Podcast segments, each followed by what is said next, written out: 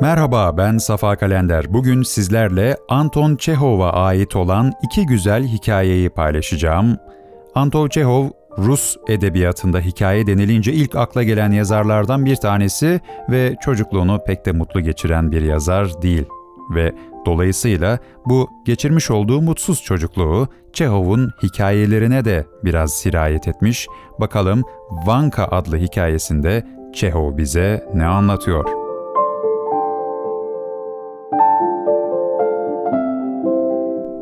Üç ay önce kunduracı Alyohi'nin yanına çırak verilen 9 yaşındaki Vanko Yukov, Noel gecesi daha yatmamıştı.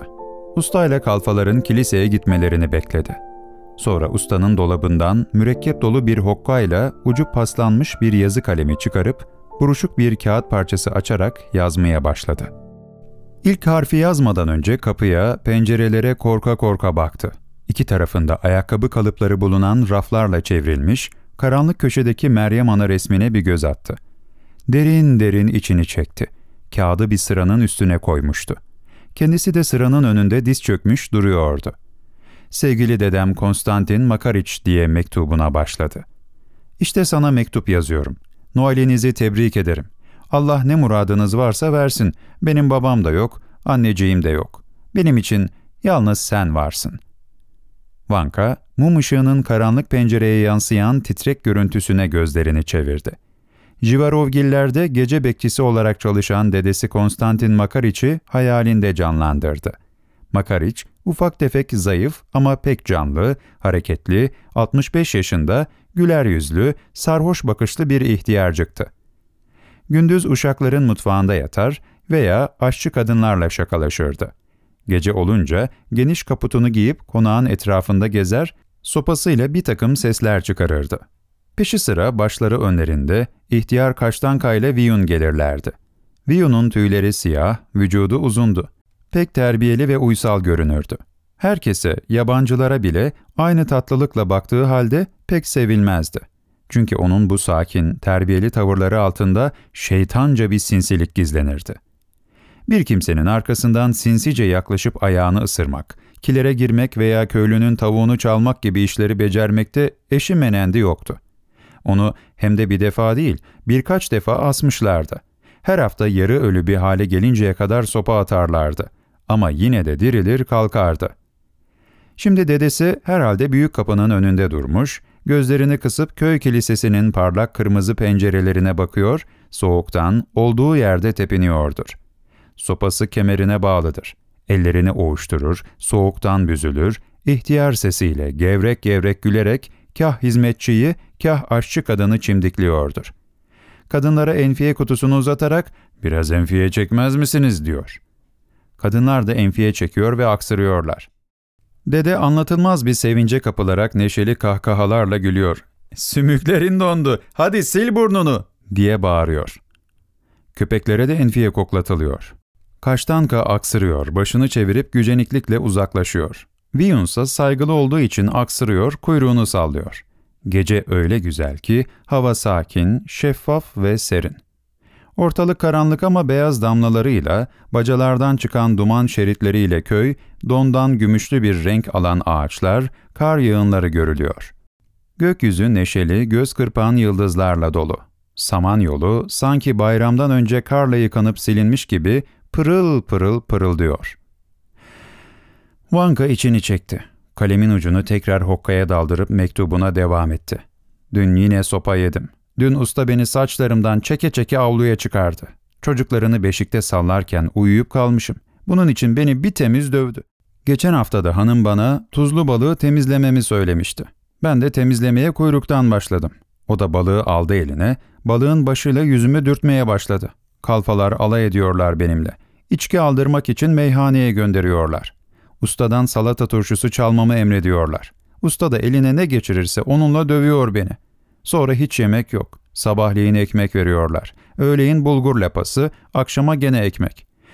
Çayı çorbayı kendileri tıkınıyorlar. Sofada yatmamı söylüyorlar. Bir de çocukları ağlarsa hiç uyumuyorum. Beşiği sallıyorum. Sevgili dedeciğim, Allah aşkına beni buradan eve, köye aldır. Artık dayanamayacağım. Ayağına kapanarak yalvarıyorum. Senin için ömrüm oldukça dua ederim. Beni al buradan, götür buradan. Yoksa öleceğim. Vanka ağzını çarpıttı, kirli yumruğuyla gözlerini ovuşturdu, hıçkırdı. Sana tütün kıyarım. Allah'a dua ederim. Bir suç işlersem eşek sudan gelinceye kadar döv beni. Eğer orada bana iş yok diye düşünüyorsan yalvarır yakarır, kahyanın potinlerini ben boyarım. Veya Fetka'nın yerine çoban yamağı olurum. Sevgili dedeciğim, daha fazla dayanamayacağım. Öleceğim. Köye yürüye yürüye kaçıp gelmek istedim ama papuçlarım yok ki. Soğuktan korkuyorum. Büyüdüğüm zaman bu iyiliğini unutmam. Sana bakarım. Kimseyi sana dokundurtmam. Ölürsen ruhun için dua ederim. Pelagaya anneme yaptığım gibi. Bu Moskova, kocaman şehir. Evler hep bey evleri. Atlar da çok ama koyun yok. Köpekler de ısırmıyor. Çocuklar burada yıldızlara bakıp yol bulamazlar. Kimseyi kilisede ilahi söylemeye bırakmıyorlar. Bir defa bir dükkanın penceresinden balık oltası gördüm, satıyorlar. Bu oltalarla her türlü balık tutulur. Bir tanesi öyle büyüktü ki beş batmanlık son balığını bile tutar. Sonra öyle dükkanlar gördüm ki orada tüfekler hep bey tüfekleri. Tanesi herhalde yüz rubledir. Kasaplarda yaban tavuğu da, çulluk da, tavşan da var ama tezgahtarlar onları nerede vurduklarını söylemiyorlar. Sevgili dedeciğim, beylerin evinde hediyelerle süslü Noel ağacı yapıldığı zaman bana yaldızlı ceviz al. Yeşil sandığa sakla. Bayan Olga Ignatevnia'dan iste. Vanka içinde. Vanka heyecanla göğüs geçirdi. Yeniden gözlerini pencereye dikti. Beyleri ağaç kesmek için dedesinin ormana gittiği, beraberinde kendisini de götürdüğü zamanları hatırladı. Ne neşeli zamanlardı o zamanlar. Dede karların üzerinde gıcırtılar çıkararak önden gider, Vanka da arkasından gıcır gıcır yürürdü. Noel ağacını kesmeden önce dedesi çubuğunu içer, uzun uzun enfiye çeker, üşüyen Vanka ile alay eder. Buz tutmuş genç çamlar hareketsiz durur, hangimiz öleceğiz diye beklerlerdi. Birdenbire nereden çıktığı belli olmayan bir tavşan ok gibi kar yığınlarının arasından geçer. Dede kendisini tutamaz. Tut tut tut tut diye bağırır. Ah seni şeytan! Dede kesilen ağacı bey evine çeke çeke götürürdü. Eve gelince de ağacı süslemek işi başlardı. Bu işle Vanka'nın en çok sevdiği insan Olga Ignatievna uğraşırdı. Vanka'nın annesi Pelagaya hayattayken beylerin evinde oda hizmetçisi olarak çalıştığı zamanlar Olga Ignatievna Vanka'yı bonbonla beslerdi. İşi gücü olmadığı için ona okumayı, yazmayı, yüze kadar saymayı, hatta kadril oynamayı bile öğretmişti. Pelagaya ölünce öksüz Vanka'yı uşaklarının mutfağına, dedesinin yanına gönderdiler. Oradan da Moskova'ya, kunduracı Alyehin'e uğurladılar. Vanka mektubuna devam ederek ne olur gel sevgili dedeciğim diye yazıyordu. Tanrı için yalvarıyorum beni al buradan acı bana zavallı öksüze yoksa beni dövüyorlar. Çok da açım. Canım öyle sıkılıyor ki anlatamam sana. Hep ağlıyorum. Demin de usta kalıpla başıma öyle bir vurdu ki yere düştüm. Kendime zor geldim. Yandı benim hayatım. Köpekten daha beter. Alyona'ya, tek göz Yegorka'ya, bir de arabacıya selam ederim. Armoniğimi de kimseye verme. Torunun Ivon Yukov. Sevgili dedeciğim. Gel. Vanka yazdığı mektubu dörde katladı, bir gün önce bir kapıya satın aldığı zarfa koydu. Biraz düşündükten sonra kalemini mürekkebe batırdı, adresi yazdı. Köye. Dedeme. Sonra biraz başını kaşıdı, düşündü, ilave etti. Konstantin Makariç'e. Bu mektubu yazmasına engel olmadıkları için memnunluk duyan Vanka şapkasını başına geçirdi. Paltosunu giymeden gömlekle sokağa fırladı. Bir gün önce bir şey sorduğu kasabın dükkanındaki tezgahtarlar ona mektupların posta kutularına atıldığını ve oradan sarhoş arabacıyla çın çın öten çıngıraklı troykalarla bütün dünyaya yayıldığını söylemişlerdi. Vanka ilk kutuya kadar koştu, sonra kıymetli mektubu delikten içeri attı. Tatlı ümitler içinde yatağa giren Vanka bir saat sonra derin bir uykuya dalmıştı. Rüyasında büyük ev fırınını görüyordu. Dedesi fırının üstünde çıplak ayaklarını sallandırarak mektubu aşçı kadınlara okuyordu. Ocağın yanında Viyun dolaşıyor, kuyruğunu sallıyordu.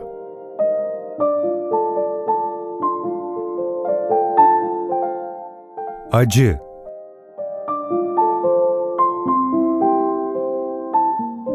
Akşam karanlığı, sulu, iri iri kar taneleri henüz yakılmış fenerler etrafında uçuşuyor, ince, yumuşak bir alçı tabakası gibi damları atların sırtlarını, omuzlarını, başlıklarını kaplıyordu.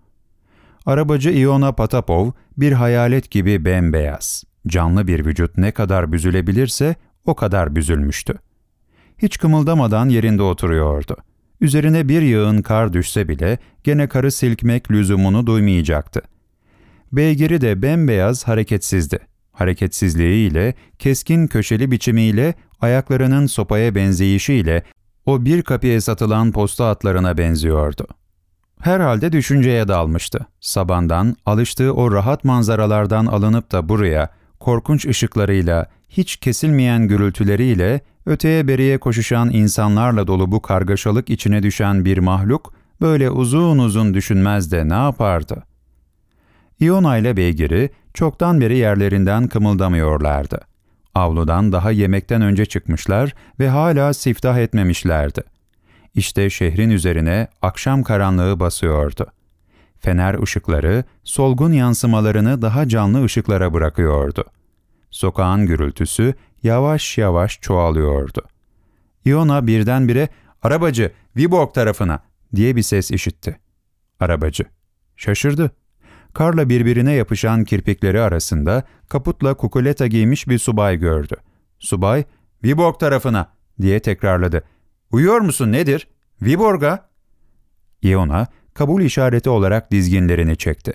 Bu çekişle atın dizginleri üzerindeki ve sırtındaki karlar alçı parçaları halinde düştü. Subay kızağa oturdu. Arabacı dudaklarını şapırdatıp boynunu kuğu gibi uzatarak yerinden kalkar gibi davrandı. Yılların alışkanlığıyla kamçısını salladı. Beygir de boynunu uzatıp sopa biçimindeki ayaklarını büktü. Kararsız kararsız yerinden kımıldadı. Çok geçmeden aşağı yukarı gidip gelen karartılardan sesler işitildi.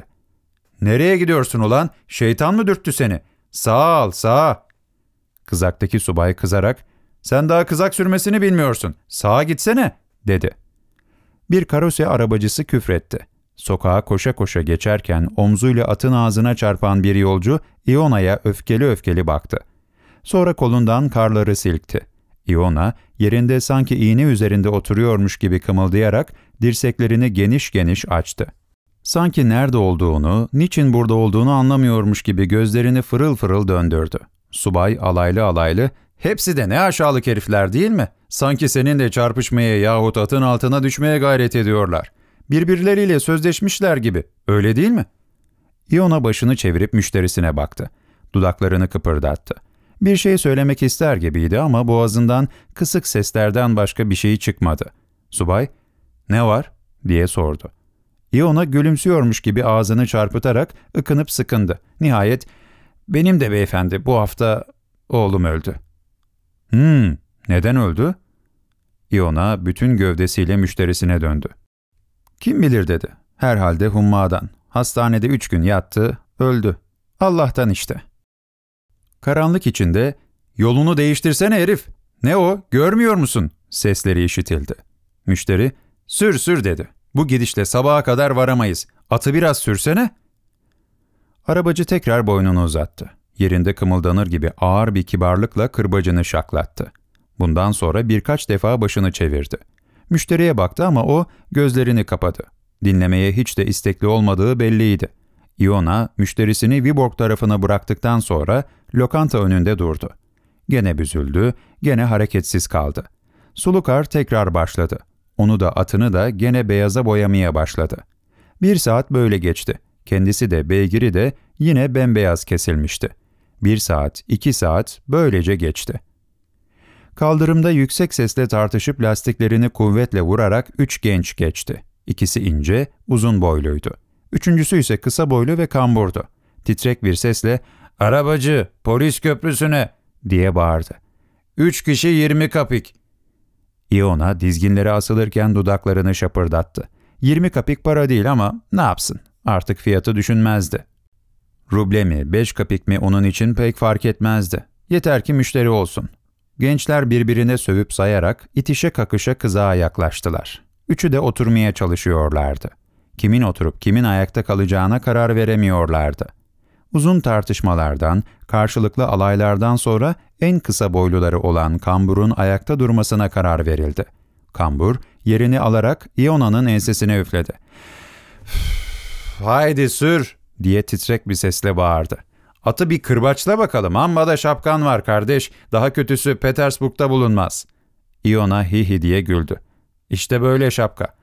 Ee böylesi sürsene beygirini. Yol boyunca hep böyle mi gideceksin? Yoksa ense köküne indiririm ha. Uzun boylulardan biri başım çatlıyor dedi. Dün Dukmasovlar'da Vaksa ile birlikte dört şişe konyak içtik. Öbür uzun boylusu da amma da atarsın sen diye çıkıştı. Vallahi doğru söylüyorum. Evet o kadar doğru ki kargalar bile güler. Iona hihi diye güldü. Baylarımın keyfi yerinde. Kambur kızarak Allah cezanı versin moruk dedi. Sürecek misin sürmeyecek misin? Bu sanki arabayla gitmek mi? Şunu bir kamçılasana hadi bakalım. Ha işte şöyle. Adam akıllı sür şunu. Iona sırtında bir vücudun kımıldadığını hissetti. Arkasından kamburun cırlak sesini duydu. Kendisine edilen küfürleri işitti. İnsanları görünce yalnızlık duygusu yavaş yavaş ondan uzaklaşıyordu. Kambur öyle yakası açılmadık uzun küfürlere başladı ki bitirmeye nefesi yetmedi, öksürmeye başladı. İki uzun boylu genç bir Nedece Patrona'nın sözünü etmeye başladılar. Iona onlara döndü, kısa bir sessizliği fırsat bilerek başını biraz daha çevirip dedi ki ''Benim de bu hafta oğlum öldü.''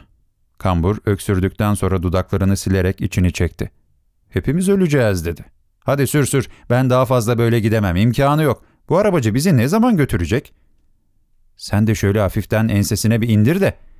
''Moruk işitiyor musun? Hey enseni indireyim mi?'' Size nezaketli davranmaktansa insan yürüsün daha iyi. İşitiyor musun? Alo, Eşek Eşekoviç. Sözlerin vız geliyor galiba sana. İona ensesine inen tokatları pek duymadı. Daha çok tokadın çıkardığı sesi duyuyordu. diye gülerek neşeli baylar, Allah uzun ömür versin dedi. Uzun boylusu, arabacı evli misin diye sordu. Ben mi?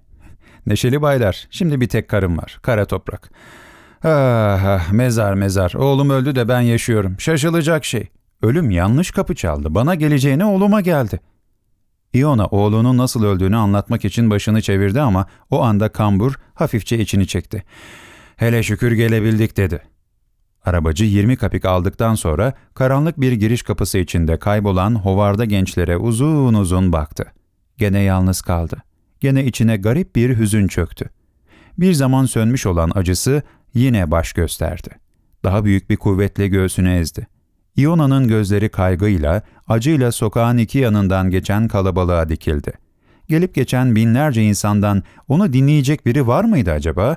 Ama kalabalık ne onu ne de acısını fark etmeden geçip gidiyordu işte. Sanki hiçbir şey kimsenin umrunda değildi. Acısı korkunçtu, sınırsızdı. Ona öyle geliyordu ki göğsü patlayıp içinden acısı fışkırsa bütün dünyayı kaplayacaktır. Fakat gene de bu acı görünmezdi. O kadar küçük bir kabuğa sığınmıştı ki gündüz ışık altında bile görülmezdi. Iona elinde zembil taşıyan bir kapıcı gördü. Onunla konuşmaya karar verdi. ''Kuzum saat kaç?'' diye sordu. ''Ona geliyor. Niye durdun burada? Yürüsene.'' Iona birkaç adım uzaklaştı, tekrar büzüldü. Kendini acısına verdi. Artık insanlarla konuşmayı lüzumsuz sayıyordu. Ama daha beş dakika geçmeden eğilip kalktı, sanki bir acı duymuş gibi başını salladı, dizginleri şaklattı. Artık daha fazla dayanamazdı. Hana gideyim diye düşündü.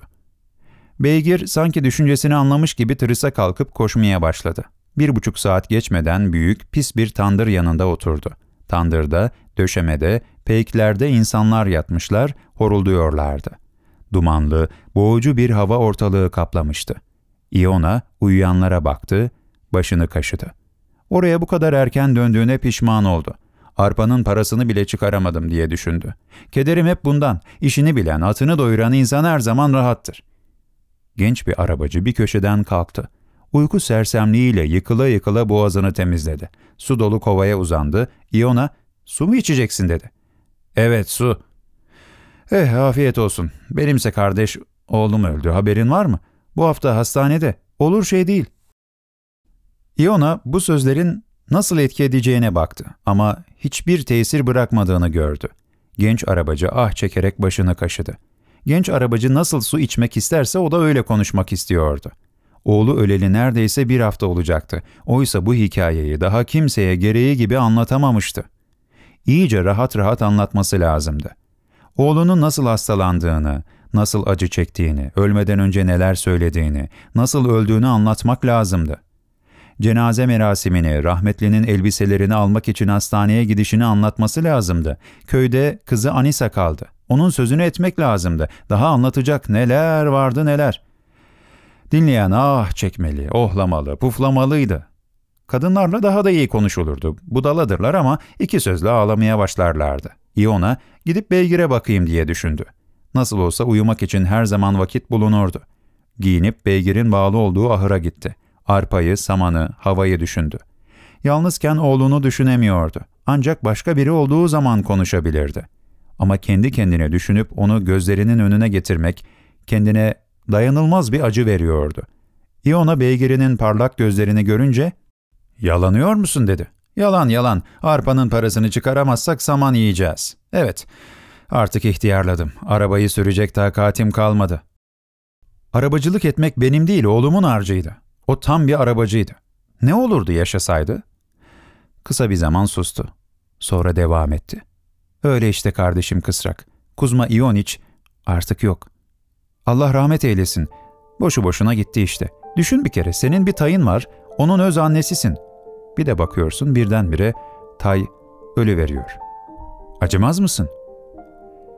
Beygir yalandı. Dinler gibi eğilerek sahibinin ellerine doğru soludu.